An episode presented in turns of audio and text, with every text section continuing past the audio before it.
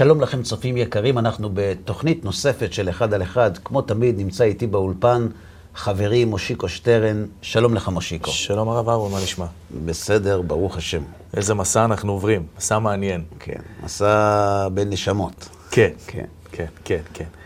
הנושא הזה של גלגול נשמות, כן. שלא לא פתרנו אותו עדיין, זאת אומרת לא סגרתי את המעגל ואני רגיל איתך לסגור מעגלים, ולכן אני רוצה שנמשיך ברשותך לעוד איזה פרק נוסף. במסגרת המגבלות. במסגרת המגבלות. נזכיר לכולם שבמסגרת המגבלות זה אומר שאתה התחייבת בעברך לרבך אה, עליו השלום, שיש דברים שאתה לא עוסק בהם, וביניהם החיים שאחרי המוות, ואנחנו כן מתעסקים איכשהו... אנחנו לא מתעסקים בחיים שאחרי המוות, אנחנו מתעסקים בחיים כאן. כאן, שיש בהם אה, נגיעות mm-hmm. של כל מיני דברים שמזכירים לנו שיש שם. אוקיי.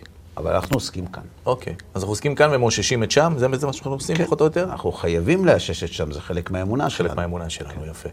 אז נשארתי עם תהייה גדולה. אתה זוכר שאמרתי את המשפט הזה, אז מה בעצם הרב, הכל משחק מכור? כן, זוכר. זוכר את זה? כן. גם ראיתי הרבה תגובות על העניין הזה של המשחק מכור, ובאמת, זו תחושה שיצאתי איתה, והיא מהדהדת שמה, בי. שמה? ש- ש- שאתה מגיע למין, לעולם הזה. כן. ב- נשמה בתוך גוף. אתה כלוא בתוך משימה שלא אתה קבעת לעצמך. זאת אומרת, הנשמה קיבלה איזה סוג של משימה, יכולה להיות אה, אה, משימה של גלגול של אדם כזה או אחר.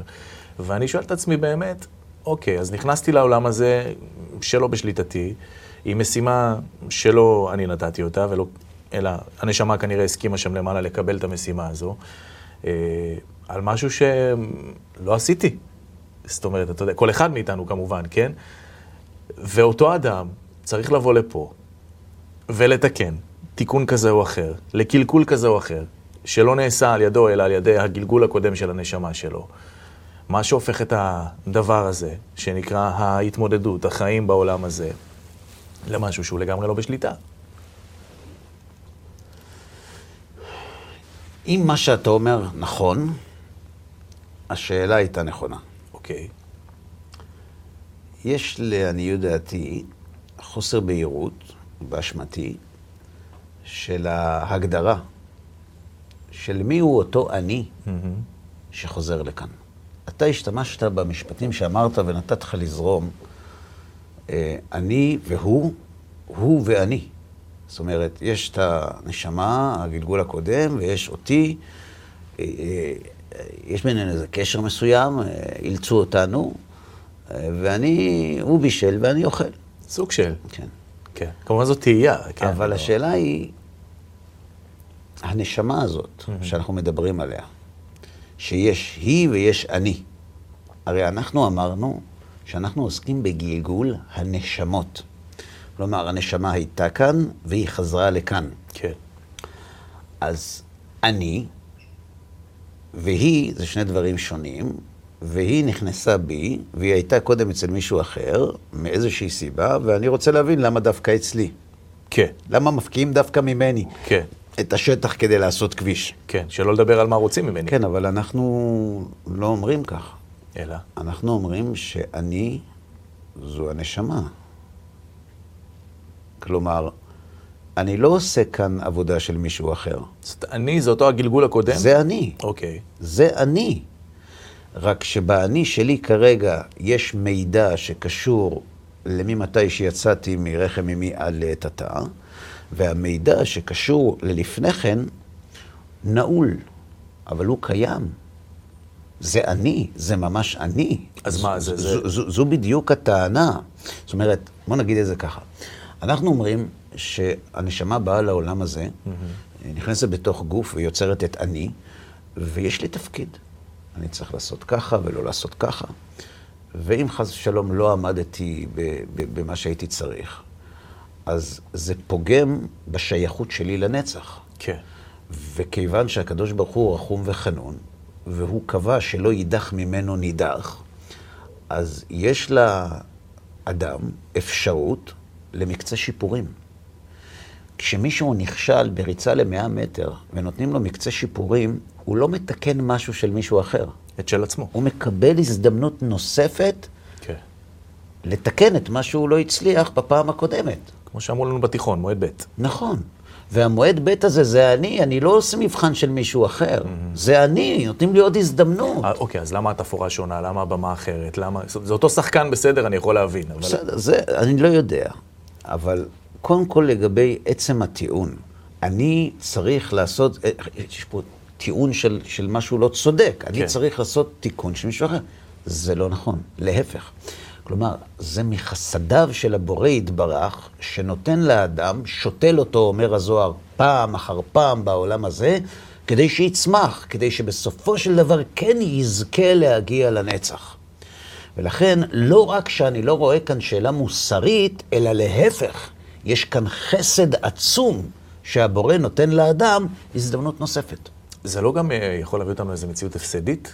טוב, פספסתי את הגלגול הזה, אני כבר אחזור לפעם הבאה. זה בהחלט יכול. לכן, חז"ל לא עסקו בנושא הזה בהרחבה.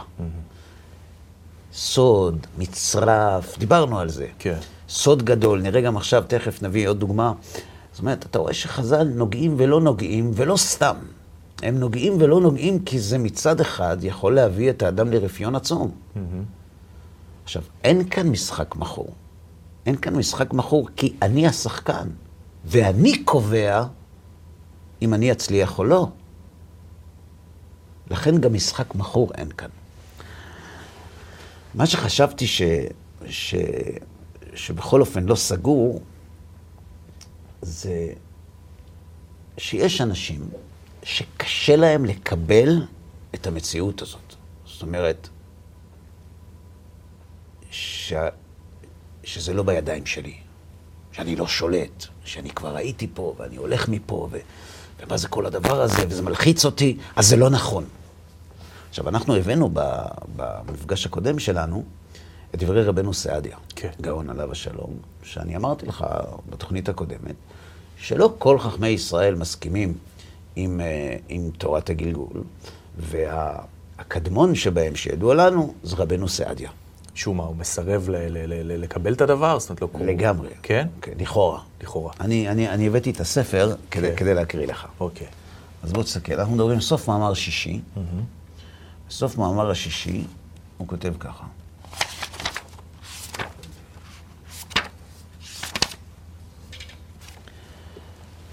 והנני אומר, אנחנו קוראים מספר של רבנו סעדיה גאון, הנבחר באמונות ובדעות.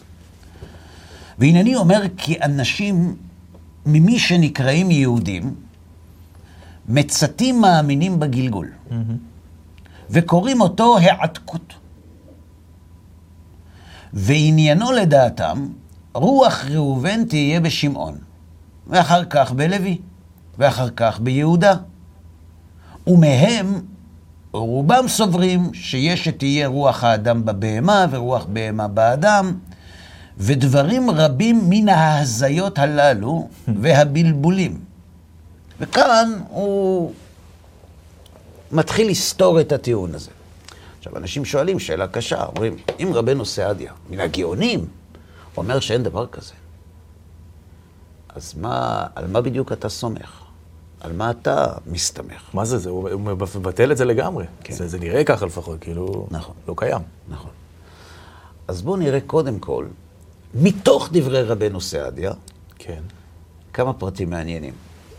אני, אני, ואני לא מכניס לך לפה, אני שואל שאלות. אוקיי. אנשים ממי שהם נקראים יהודים, מצתים מאמינים בגלגול. מה זה אומר? זה אומר שבתקופת רבנו סעדיה, היו הרבה יהודים שהאמינו בתורת הגלגול. נכון. זאת אומרת, זה שאנשים מייחסים את תורת הגלגול למשהו שהתחיל לפני 700 שנה, בתקופת אה, גילוי כתבי הזוהר וכולי, זה לא נכון. כי רבנו סעדיה בעצמו כותב שבתקופתו הדבר היה מפורסם אצל היהודים. שתקופתו, תן לנו אותו על הציר. 1100 שנה. אלף מאה שנה. לפני. כן. עכשיו, אתה רוצה ללכת יותר רחוק? הבאתי, עשיתי עבודה. הבאתי מקורות. יש לנו ציטוט ממלחמות היהודים ליוסף בן מתתיהו. מדברים על סוף בית שני. כן. והוא כותב ככה, הפרושים, הוא דיבר, קודם כל, קודם כל הוא דיבר על האיסיים, בסדר? כת האיסיים, עכשיו הוא מדבר על הפרושים, עלינו. הם האנשים אשר יצא להם שם חכמים, יודעים לבאר את החוקים באר היטב. עכשיו, כשאתה רוצה לתאר קבוצה מסוימת, אתה אומר משהו שמאפיין אותם, כן. נכון? אז הם יודעים לבאר את החוקים באר היטב, זה מה שנקרא תורה שבעל פה. Mm-hmm. הם אומרים, כי הכל תלוי בגזרה, זאת אומרת, הכל בידי שמיים, ורק מעשה הצדק והרע, סליחה, הצדק והרע, כלומר, הטוב והפכו, כן. חוץ מיראת שמיים. זאת אומרת, הכל תלוי בגזרה, הכל בידי שמיים, חוץ, חוץ מלהיות צדיק או רשע, חוץ נכון. מהטוב והרע. נכון. אפס, כי גם הגזרה מסייעתו בכל דבר. למרות שיש לו בחירה, זה מה שנקרא בדרך שאדם מוצא איך מוליכים אותו. אז במה מאמינים הפרושים? מהם האמונות המפורסמות שרווחות אצלם? א', שהם בקיאים בפרטים של החוקים, בהר היטב, mm-hmm. הם מאמינים שהכל בידי שמיים חוץ מיראת שמיים, כלומר, הם טוענים שהבחירה בידי האדם, אם כן. להיות צדיק או רשע. ואם בחר, מסייעים לו. ואם בחר, מסייעים לו. והם אומרים, מי זה הם? הפרושים. Mm-hmm. כי כל הנשמות אינן קלות. לא הולכות לשום מקום. אולם רק נשמות הטובים עוברות אל גוף שני. Mm. זאת אומרת, יש לנו מקור מימי בית שני, שהיהודים הפרושים, שאנחנו צאצאיהם, האמינו בשלושה דברים. זאת אומרת, התאפיינו, סליחה, התאפיינו בשלושה דברים על פי יוספוס פלביוס, יוסף בן מתתיהו. אחד, בקיאים בחוקי התורה. לומדי גמרא. Mm-hmm. שניים, אז לא הייתה גמרא, אבל לומדים תורה שבעל פה. שניים, מאמינים שהכל בידי שמיים, חוץ מיראת שמיים. מאמינים שהנשמות לא קלות, יש הישארות הנפש, ושיש נשמות שמתגלגלות בגוף שני. אבל של הטובים. של הטובים, כן, כמובן. של הצומים, ודאי. של הטובים הכוונה אלה שיש להם זכות. כן. מקור אחד. אתה רוצה מקור לא פחות קדמון? יש מקור. יש ספר שנקרא טעם לשד, של רבי אליהו בן המוזג, עליו השלום, והוא מצטט, הבאתי את הספר, את פילון האלכסנדרוני, שחי באלכסנדריה בתקופה ההליניסטית, והוא כותב, ומלבד יוסיפון, אורו עיניי לחזות כנועם דברי חכם ישראל, פילוסוף שעמד על נס בזמן יוסף, או סמוך, יוסף בן מתתיהו, או לפניו, והוא פילון הנודע אצלנו בשם ידידיה, והוא הולך ומונה בכלל אמונותינו, אמונת הגלגול, ושוב הנפש של הגוף אל גוף אחר, לטהר ולצרף חלאתה וסיגי עוונותיה. כלומר, הטיעון הזה, שהסיפור על גלגול הנשמות מגיע מתורת הקבלה, לא שזה מקור לא מספיק טוב, שהסיפור של תורת הגלגול בעם ישראל הוא של 700 שנה, הוא לא מתחיל בכלל. כן. יש לנו מקורות, גם מרבנו סעדיה שאומר שהוא לא מקבל את אמונת הגלגול, הרבה קודם. אבל הוא יודע שיש דבר כזה, והיהודים מחזיקים בדעה הזאת, וגם יש לנו מקורות בימי בית שני. אוקיי. לכן, קודם כל צריך לדעת שהאמונה שנשמת האדם חוזרת לעולם הזה כדי לתקן את מעשיה מגלגול קודם, היא עתיקה. זו אמונה יהודית עתיקה. זה לא דבר חדש, זה לא מגיע מהמזרח, זה לא מגיע מתורת הקבלה, זה מופיע אצלנו במקורות. אז כשרבנו סעדיה גאון אומר שאין, אז מה הוא אומר שיש? אה? כשהוא אומר שאין, אז מה הוא אומר שיש? זה צריך לבדוק. אוקיי. עכשיו, אני רוצה ללכת יותר רחוק. אתה זוכר שבפעם הקודמת שדיברנו על דברי הרמב"ן, הזכרנו את מעשה יהודה ותמר? בהחלט. אז הנה, בוא תראה מה כותב הרמב"ן על מעשה יהודה ותמר. והוא כותב ככה: אבל העניין סוד גדול מסודות התורה בתולדת האדם, וניכר הוא לעיני הרועים, אשר נתן להם השם עיניים לראות ואוזניים לשמוע.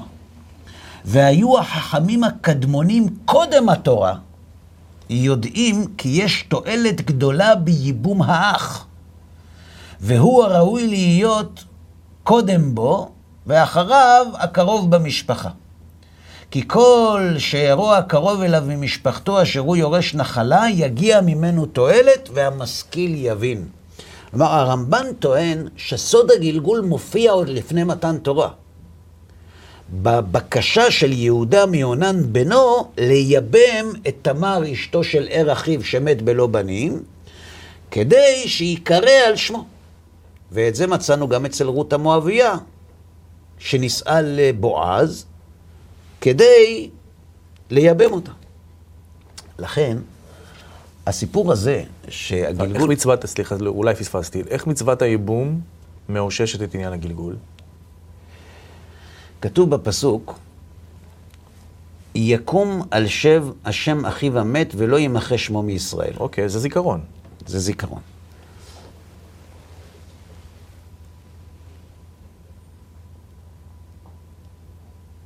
הנשמה של הנפטר חוזרת ומתעברת או מתגלגלת בתינוק שנולד מהייבום של אשת המת עם אחיו. בזכות זה שזה המשיך עם אחיו. נכון. Mm-hmm. ואז הוא חוזר לעולם הזה, וזה הסוד שעליו אומר הרמב"ן והמשכיל יבין. הבנתי. אז ראינו שזה מופיע כבר במלחמת היהודים, מלחמות היהודים. וראינו שזה מופיע אצל ידידי אלכסנדרוני. וראינו שלפי הרמב"ן זה מופיע גם בתורה. השאלה הגדולה היא, אז למה באמת רבנו סעדיה גאון לא מקבל את זה? נכון. יש לי פה מקור של הרב עוזיאל עליו השלום. והוא כותב על דברי רבנו סעדיה, דבריו אלה מכוונים נגד ענן וחבריו. אוקיי. ענן בן דוד. כיוון שהקראים החזיקו באמונה הזאת, והרבנו סעדיה רוב ימיו נאבק בקראים שהיו אז 25% מעם ישראל פחות או יותר, וואה.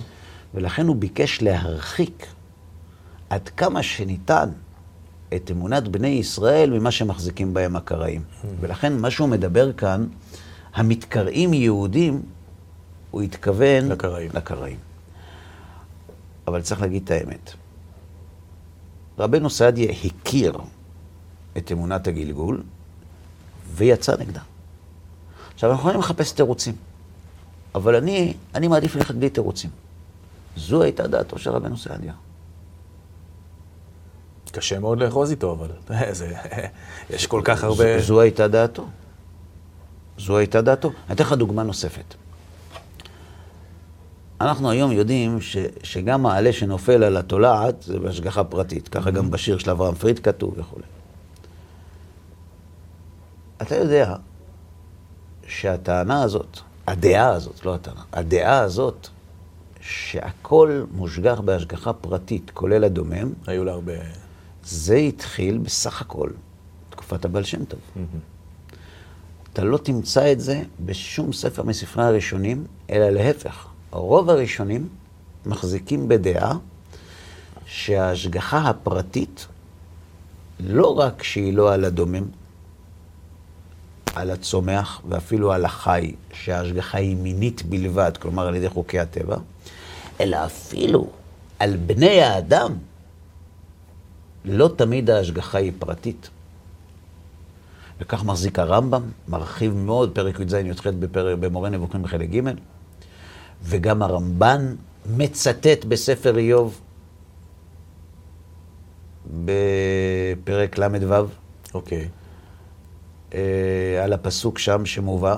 אבל אני יכול להבין אולי שפה זה לא ממקום שהם לא אה, ידעו את זה, אלא אולי לא, לא רצו לגלות את זה. זאת אומרת, על מה, על השגחה פרטית? בכלל, כל, זה... לא, לי, רגע, רגע, אני, אני, אני, אני בסך הכל רוצה לומר שאתה רואה שהראשונים החזיקו בדעה מסוימת, כן, כמעט כולם, כן.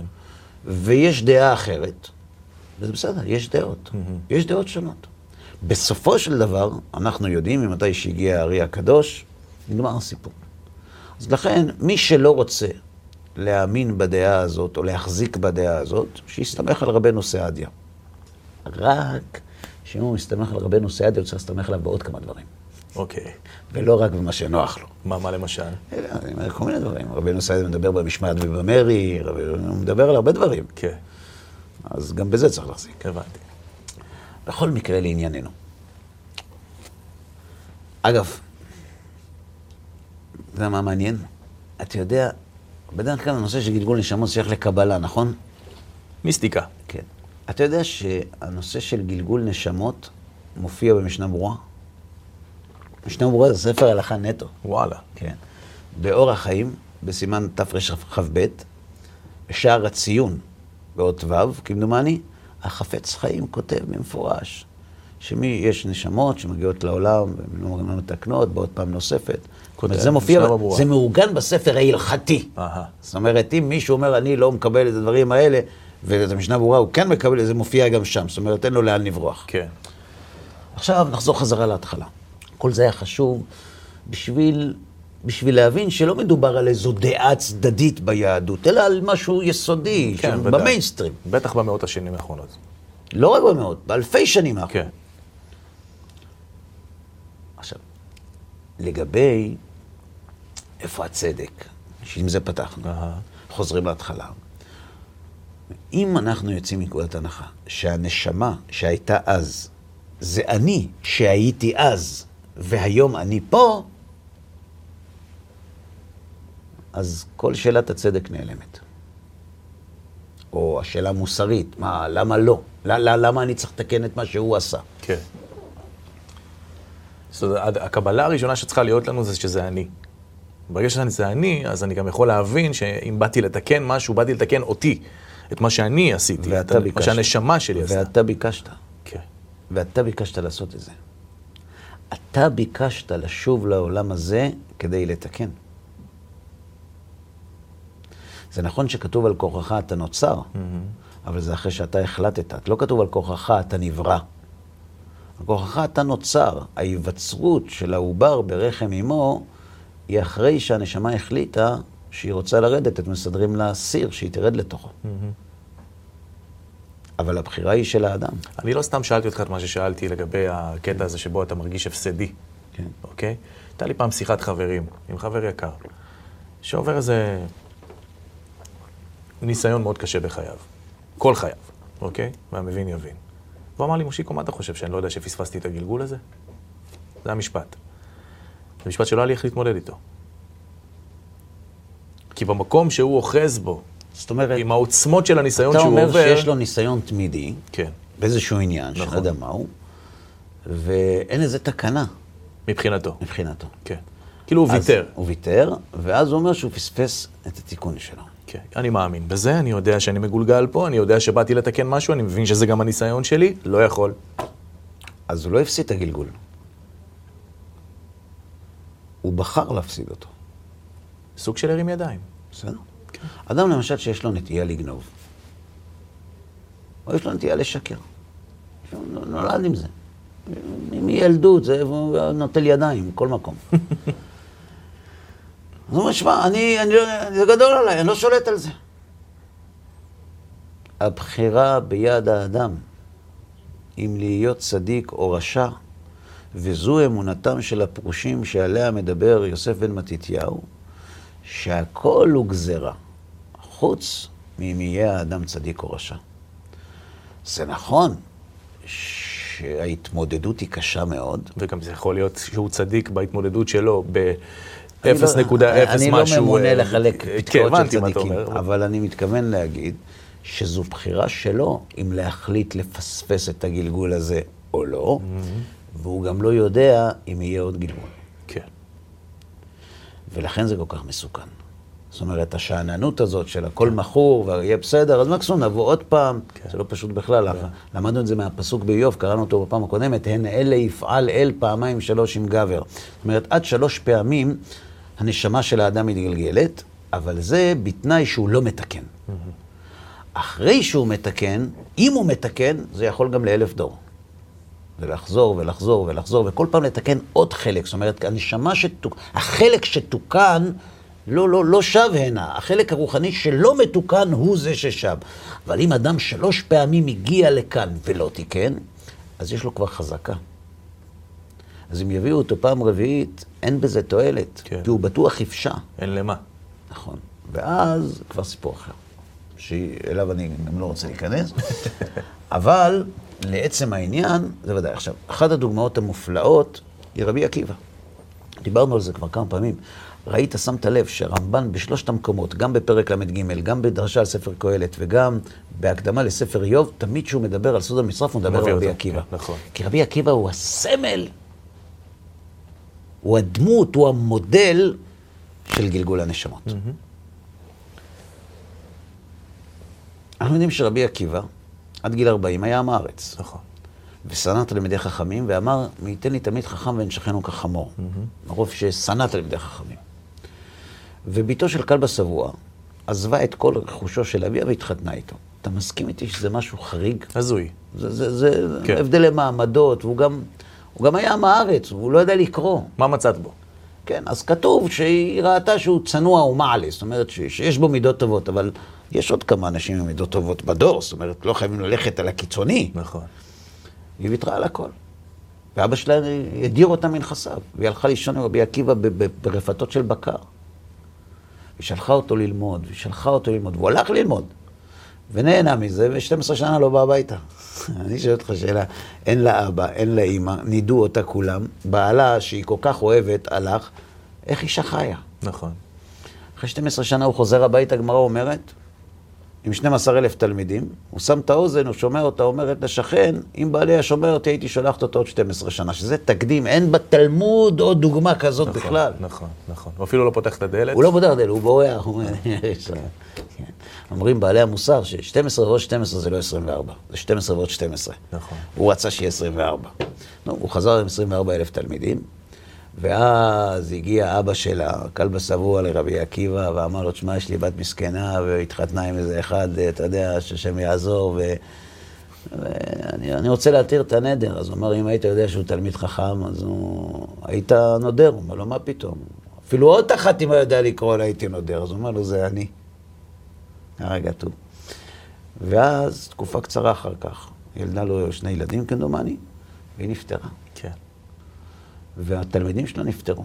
כולם. אין, אין לו תקדים כזה. זאת אומרת, רבי עקיבא זו דמות שאיפה שאתה לא נוגע בה, יש מסתורין. ויותר מזה כתוב, קודם כל, איך הוא נפטר. שהיו סורקים את בשרו, מס- בשרו עם מסרקות של ברזל. מוות הכי אכזרי. ומה כתוב על זה? שאמרו לו תלמידיו, רבנו, עד כאן. אפילו נוטל נפשך עד כאן, אמר להם, מה עד כאן? כל ימיי הייתי אומר, מתי תתגלגל מצווה זו לידי? חיכיתי לרגע. חיכיתי. לא כתוב באף מקום שצריך לחכות לרגע כזה. לא כתוב באף מקום שנען צריך למות על קידוש השם. למסור נפשו, אם הורגים אותו, כן, אבל לחכות לזה כל החיים? איזה עניין יש בזה? ומי אמר שהוא יעמוד בניסיון? איזה עניין יש בזה? חוץ מזה גם, כתוב שכשמשה רבנו עלה למרום, כתוב במסכת מנחות, ומצאו לקדוש ברוך הוא יושב וקושר כתרים לאותיות, כאילו עושה תגים. הוא אומר לו, משה, ריבונו של עולם, כתוב, מספיק, לא צריך... אה." אמר לו, לא, עתיד לקום, עתיד להיות אדם בסוף כמה דורות, ועקיבא בן יוסף שמו. והוא עתיד לחדש תילי תילין של הלכות על כל קוץ וקוץ בספר תורה. חייבים פה לעשות סדר, שלא יהיה תקלות. מה אתה אומר? אפשר לראות אותו. אמר לו, כן, תלך באולם שש, שורה חמש, תראה, תראה אותו. משה רבנו מעבר לזמן, צופה ומביט ברבי עקיבא מלמד תורה, ולא היה מבין משה מה אומר רבי עקיבא. כי רבי עקיבא הגיע למדרגה, כן. קוראים לזה שער הנון, משה רבנו לא הגיע, הגיע מ"ט. תשש כוחו של משה. עד שהוא שמע את רבי עקיבא אומר, אומרים לו תלמידיו, וזאת מניין? אמר להם רבי עקיבא, הלכה למשה מסיני. זהו, הכל בסדר, משה חוזר לקדוש ברוך הוא אומר, שמע, איזה בן אדם, למה אתה לא נותן תורה על, יד, על ידו? אמר לו הקדוש ברוך הוא, שתוק, ככה עלה המחשבה. שתוק, חזור לאחוריך. כך עלתה המחשבה לפניי. הוא אומר, טוב, תראה לי שכרו, ואז הוא מראה לו את האטליז ש- ששוקלים את הבשר של רבי עקיבא. או ש- או שנדהם. לא, ריבונו של עולם, זו תורה וזו שכרה? שוב פעם המשפט חוזר על עצמו. שתוק, חזור לאחוריך, כך עלתה במחשבה לפניי. אשכנזים אומרים ביום כיפור פיוט אלה אזכרה על עשרה הרוגי מלכות, ושם כתוב שהמלאכים אומרים לקדוש ברוך הוא, בוכים, אומרים לו, ריבונו של עולם, זו תורה וזו שכרה? אומר להם הקדוש ברוך הוא, שתוקו. ולא, אהפוך העולם כולו למים. אם אתם לא שותקים, אני מחריב את העולם. מה, מי רוצה חשבון למלאכים?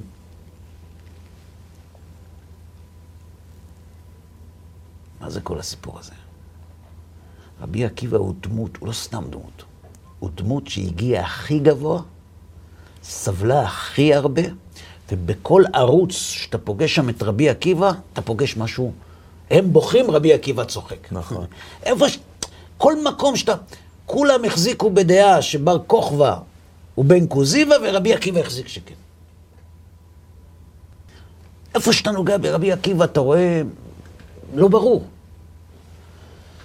ואת זה מסביר רבנו מאיר עזריה מפנו, מופיע גם בגורי הערים, מופיע גם במרחום, שצריך לחזור אחורנית. צריך לחזור לשכם בן חמור ולדינה בת יעקב, שהסיפור ידוע, לא, לא נאריך, נקצר. ואז שמעון ולוי אמרו להם שהם כן, כן. רוצים, כן. אז שיעשו ברית, ואז באותם ימים, כמה מצוות היו חייבים לקיים אה, בני יעקב? עוד לא היה את ה... כמה מצוות היו? שבע מצוות בני נוח. שבע, וברית? לא הייתה שם. ציוו ברית, לא? על אברהם ציוו כבר את הברית. אה, אוקיי. אז כמה זה ביחד? שמונה. שמונה. זכור, ביום השמיני, אמרו לו שרה עולתו. זאת אומרת, הברית, המילה, הפרידה את העבריים משאר העולם. כי כולם היו מצווים שם במצוות. נכון. אז שכם בן חמור הסכים לעשות ברית. אז אם הוא עשה ברית, הוא כבר נכלל בעבריים, נכון. ואז הרגו אותו. ואת. כל יושבי שכם. מי הרג אותם? שמעון ולוי. נכון, אנחנו. ואז הנשמות של שכם ובן חמור, ושל כל יושבי שכם הן כבר שנהרגו, נכללות בתוך המם. הן זקוקות לתיקון. וואו. אז הם שבו. שתלם הקדוש ברוך הוא, כמו שאומר הזוהר, ביוצאי מצרים. וכיוון ששמעון הרג אותם, אז הם התגלגלו בשבט שמעון. תוך הצאצאים שלו. כן. ושכם, שהיה נשיא שכם, נהיה נשיא שבט שמעון. קראו לו זמרי בן סלו. עכשיו, כשהנשמה באה לפה לתקן, היא צריכה לתקן את מה שהיא קלקלה. נכון. אז אם שכם קלקל בזנות, אז נכון. הוא צריך גם להתמודד בזה.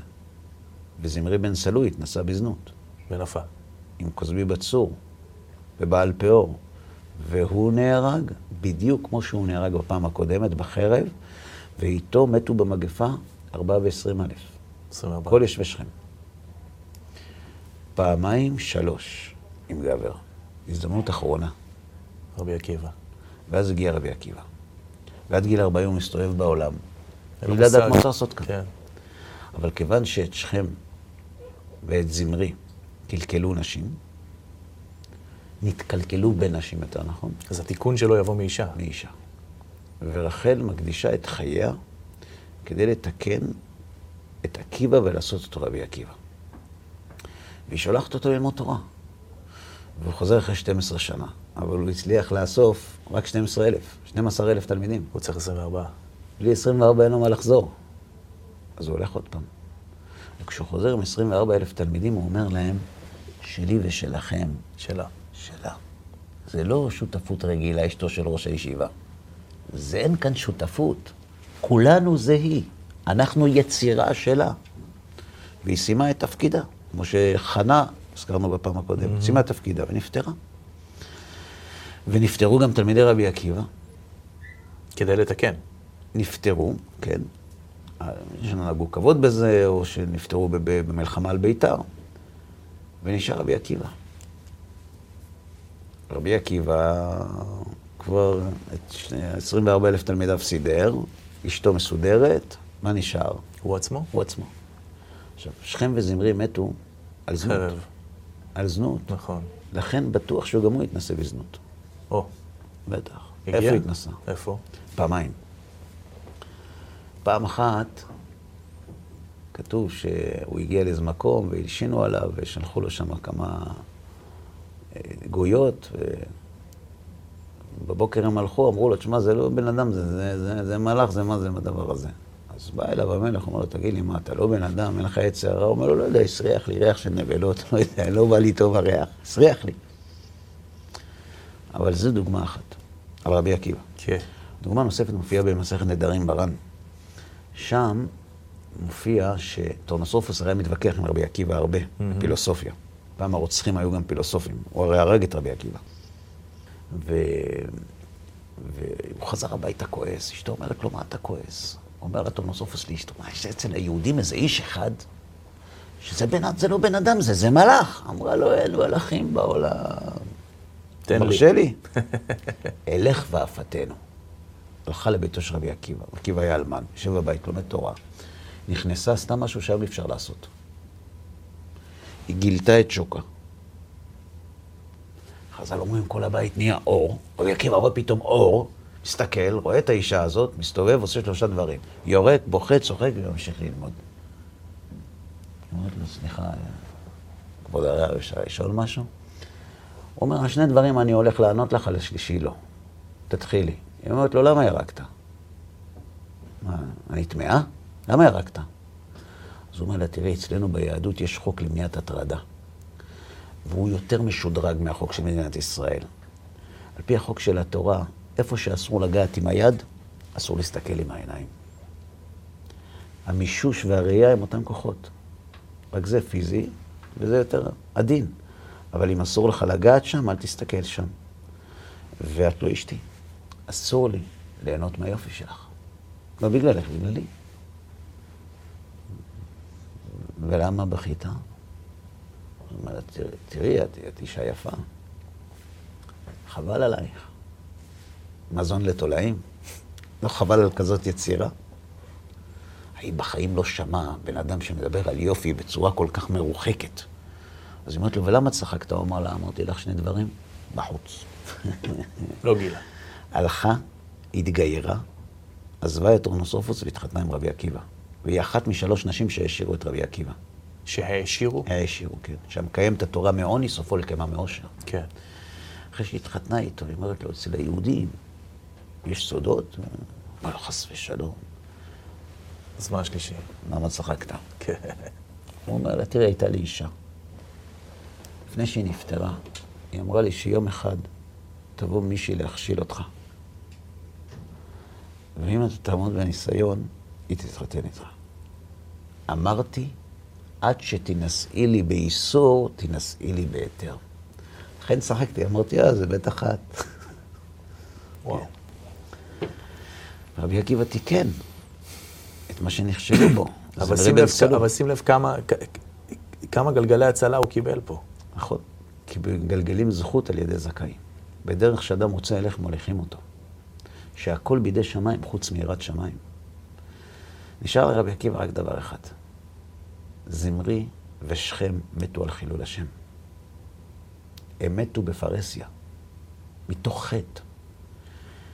ורבי עקיבא ידע שאם הוא ימות כאחד האדם, הוא לא סיים. אבוד עליו. כל ימיי, כשהייתי מגיע לפסוק זהו וכל נפשך אפילו נוטל נשמתך, הייתי אומר, מתי תתגלגל מצווה זו לידי ואקיימנה? ועתה שנתגלגלה לידי ולא אקיימנה? אומר להם לתלמידים שלו, אני לא בן אדם רגיל, יש לי תפקיד פה. אסור לו למות במיטה. כל החיים הוא חיכה לזה. והיה מעריך באחד עד שיצא נשמתו, ויצא בת קול ואמרה, אשריך רבי עקיבא שאתה מזומן לחיי העולם הבא. למשפט הזה שלושת אלפים שנה חיכו. אז רבי עקיבא תיקן גם את זה. אומר הקדוש ברוך הוא למשה, חזור לאחוריך. אתה רוצה להבין את רבי עקיבא, אתה צריך לחזור אחורנית. אתם רוצים שאני אשנה, אומר הקדוש ברוך הוא למלאכים, את תפקידו של רבי עקיבא? אז צריך להחריב את העולם ולברוא אותו מחדש. אהפוך את העולם כולו למים ונתחיל מחדש.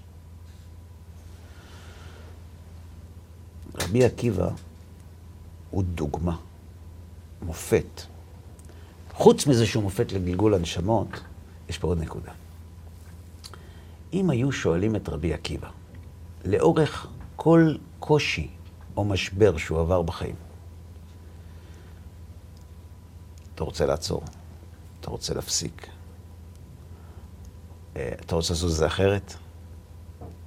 אם רגע לפני שסורקים את בשרו עם מסרקות של ברזל, היו אומרים לו, ברור לו מיטה יפה. אתה יכול עכשיו פתאום למות וזהו, ואף אחד לא יעשה לך כלום. הוא היה מסכים? לא. לא. רבי עקיבא הוא דוגמה לכך שלא רק החיים של האדם קשורים בעברו, אלא גם אופן עזיבתו את העולם קשורה לזה. ולכן כשאנחנו מדברים על גלגול הנשמות ביהדות, אני לא מדבר על מה שיש באומות העולם וכל המחקרים שעושים, זה מה שהמקורות שלנו. אנחנו מבינים כמה דברים. אנחנו מבינים שהקדוש ברוך הוא גומל חסד עם האדם, שנותן לו הזדמנות נוספת. אנחנו מבינים שהכל נמצא בידיים שלו. אנחנו מבינים שהוא ביקש לשוב הנה, ואנחנו מבינים שכל קושי שאדם מתמודד איתו בעולם הזה, זה או בגלל מה שהוא קלקל עכשיו, או חשבון שהוא צריך לסגור מהפעם הקודמת. ואני רוצה לסיים עם, עם, עם נקודה מעניינת. אני יכול לשאול שאלה לפני הנקודה? כן. בכל מה שתיארת כרגע זה נראה כאילו רבי עקיבא היה אדם שיודע את התיקון שלו. אה, באופן עקרוני, כן, כן. איך? אשתו גילתה לו. איפה אנחנו יודעים את זה? אפשר לראות את זה בספרים. אפשר לראות את זה גם בהתנהלות שלה. החפץ חיים עליו השלום, אחרי מלחמת העולם הראשונה, היה קשה מאוד. קשה מאוד ליהודים. Mm. היהודים עברו חורבן רוחני וגשמי. אמרו לו, רבי, מה יהיה? מה יהיה? אז הוא בכה. והוא אמר להם, אני לא יכול להגיד לכם את זה. אני אתן משל. והוא סיפר להם משל על בן אדם, אתה יודע, בעבר היה יריד. היה עיר המחוז, פלך, מחוז, כן. והיו מגיעים מהכפרים לעיר הבירה, גדול, כן, כן, והולכים הסיטונאים וקונים ומוכרים בכפר. ו... כן. האנשים לא מביאים איתם את הסחורה. היו פוחדים. אז היו מביאים כסף. היו קונים מחוץ לעיר את הסחורה, הולכים לשוק, מוכרים כסיטונאים לקמעונאים. לקמעונאים, וככה. זאת אומרת, היו אנגרים גדולים, כן. שהיו מוכרים לסיטונאים שימכרו לקמעונאים. ואתה יודע, לפעמים לא היה פדיון, לפעמים כן, אז ביריד הבא, ככה מנהלים חשבונות. היה אחד, גדולי סוחרי הטקסטיל, או ברוסיה, אומר החפץ חיים, שבא אצל ההאנגר הזה, ואומר לו, אני צריך 1,500 מטר בת כתיפה שחור, כי זכיתי במכרז לתפור מכנסי רכיבה לפרשים של, של הצאר הרוסי. אמר לו, אין בעיה, 1,500 זה המון. הבאת, כן, הבאתי עגלות, כל בסדר. ואז הוא עושה לו חשבון, אמר לו, זה 30 אלף רובל. אמר לו, בסדר, תרשום, פעם הבאה. אמר לו, לא, לא. עכשיו. כשאתה נוגע לעשיר בכבוד, הרגת אותו. אתה לא סומך עליי? אתה לא סומך עליי, פתאום זו צקה גדולה, אתה לא מאמין לי? אמר לו, חס וחלילה, חס ושלום. פשוט כבר זקן. ואני מאמין שתבוא שנה הבאה. אבל אני לא אהיה כאן, אני עולה לארץ ישראל. Mm. למות כולם רוצים בארץ. אני עולה לארץ ישראל, אתה תבוא, כמה תצטער שלא שילמת לי? תשלם עכשיו, הוא אומר, אם ככה, זה עניין של זה. אני רושם לך מחר, הוא אומר, רגע, אם אתה כבר רושם, יש פה איזה חוב מלפני כמה שנים, של 52 רובל, לא, לא, לא הייתי עושה לך, אם כבר אתה רוצה לסגור את הכל, אז עוד 52 רובל. ואז בכה חפץ חיים, ואמר לתלמידים שלו, הקדוש ברוך הוא סוגר את החנות. הוא עולה לארץ, הוא מביא משיח, אנחנו מתכנסים לביאת משיח. לפני 500 שנה, אלף שנה, בן אדם היה חוטא. לא שילם היום, שילם בגלגול הבא. לא בגלגול הבא, ביריד שאחרי זה. אבל היום, הקדוש ברוך הוא סוגר את החנות. ולכן כשאדם חוטא היום, אין גלגול הבא. אז הוא צריך לשלם מזומן. ואם הוא כבר משלם, יש כמה חובות לסגור מפעם קודמת, ולכן האיסורים כל כך גדולים לפני ביאת משיח. ומה שקרה, זה כאין או כאפס לעומת מה שיקרה. ככה הוא אמר להם אחרי מלחמת העולם הראשונה. ווא.